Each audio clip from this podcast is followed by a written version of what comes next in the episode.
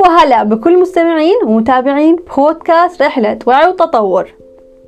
في بودكاست اليوم راح يكون الجزء الثالث من سلسلة لو كنت مكانك.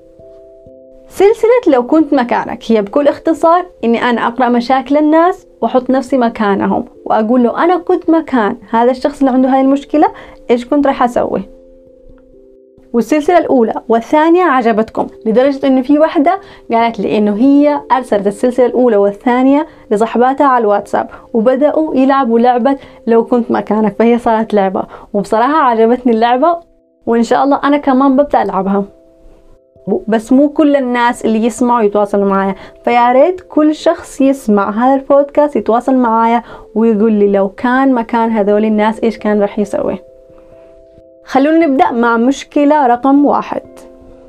المشكلة الأولى تقول أنا يمكن مشكلتي ما تعتبر مشكلة بس هو أنا مو عارفة أقرر عشان كذا أحتاج مساعدة.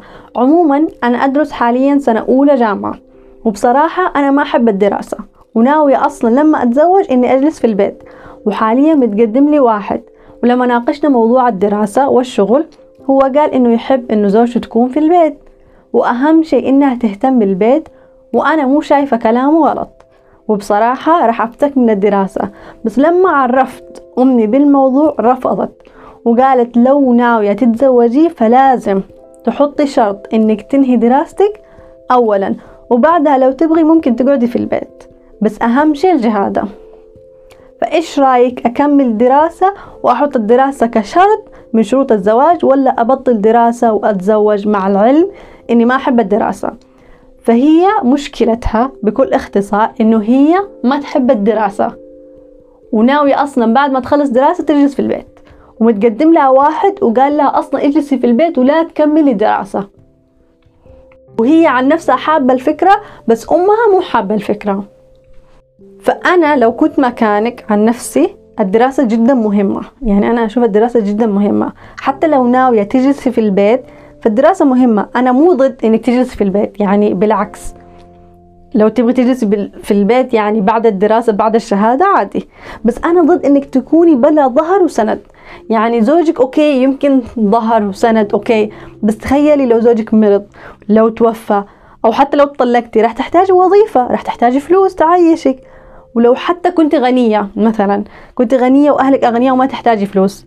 بس انت راح تحتاجي معرفة راح تحتاجي شهادة راح تحتاجي تكوني متعلمة عشانك وعشان أطفالك في المستقبل. عشان كذا أنا أقول لك كملي الدراسة. ترى أصلا أصلا تسعين بالمئة من الناس اللي تدرس تكره الدراسة. ما في شخص يعني يروح الدر... يدرس عشان يحب الدراسة بجد. يعني يمكن عشرة بالمئة بس اللي يحبوا الدراسة بجد وتسعين بالمئة مغصوبين. يعني تدرس عشان مستقبلها. فأنت مو لوحدك اللي تكره الدراسة. بس فكري دائما بالمستقبل عشان تعرفي تقرري. يعني مستقبلك راح يكون أحسن مع شهادتك ولا من غيرها؟ فكري فيها. يعني أنت شايفة مستقبلك كيف؟ شايفة المستقبل حيكون أحسن لو كنت بس جالسة في البيت من غير ما تكملي دراسة ولا حيكون أحسن لو كملتي دراسة؟ لو غصبتي نفسك يعني تدرسي كم؟ أنت سنة أولى جامعة يعني ماكسيموم حتدرسي تدرسي أربع سنوات كمان. ففكري فيها كيف حيكون مستقبلك مع شهادة ومن غيرها. وبعدها قرري. وبعدين أنا اللي أعرفه إن أي واحد يحب وحدة فيحب يشوفها ناجحة ومتعلمة ويعني متفوقة وعندها كل شيء هي تتمناه. فهذا الشخص اللي يبغاكي أصلا تجلسي في البيت من غير دراسة أكيد ما يحبك للأسف. يعني مو شايفته إنه هو شخص يحبك أو يحب الخير ليكي. لو كان يحب الخير ليكي فكان قال لك okay كملي دراستك وأنا حساعدك ويشجعك يعني.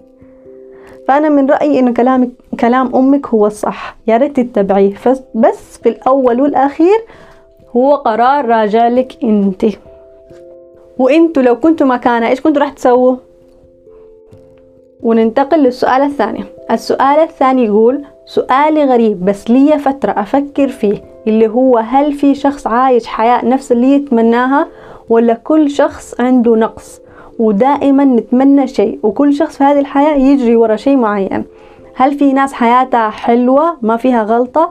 مثل المشاهير اللي نشوفهم على السوشيال ميديا اللي يسافروا دائما وعندهم كل شيء في بيتهم ويشترون كل اللي يبغوه. هل هم كذا سعيدين ولا حتى هم في شيء ناقص في حياتهم؟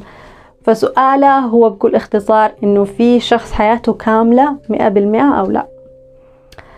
أنا عن نفسي ما في شيء كامل. الكمال لله. ما في شخص سعيد طول الوقت وما في شخص عنده كل شيء يتمناه ولا كيف ممكن هذا الشخص يتطور أصلا؟ حتى المشاهير حياتهم مو كاملة بس هم يورونا الجزء اللي هم يختاروه عشان نشوفه. يعني إحنا مو شايفين كل حياتهم بس الأكيد إنه كل شخص في هذه الحياة عنده أيام وحشة وأيام حلوة. في قصة كذا قريتها آه، قبل فترة عن وحدة كان عندها صديقتين. وكانوا في السوق. واحدة كانت مع زوجها والثانية كانت من غير زوجها.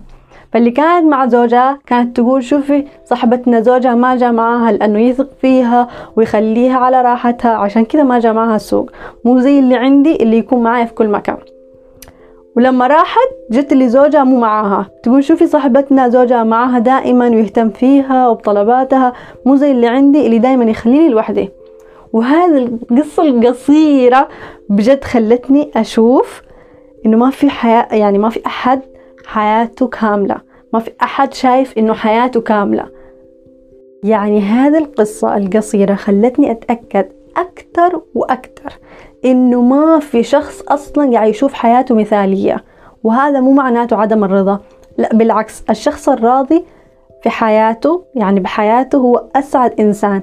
بس حتى الشخص الراضي لازم يشوف الأشياء اللي مو حلوة بحياته عشان يتطور ويغير من نفسه وحياته للأفضل.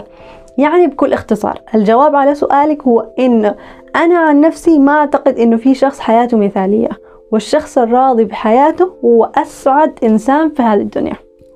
وإنتوا إيش رأيكم؟ هل في شخص حياته مثالية وكاملة وما فيها أي نقص ولا لا؟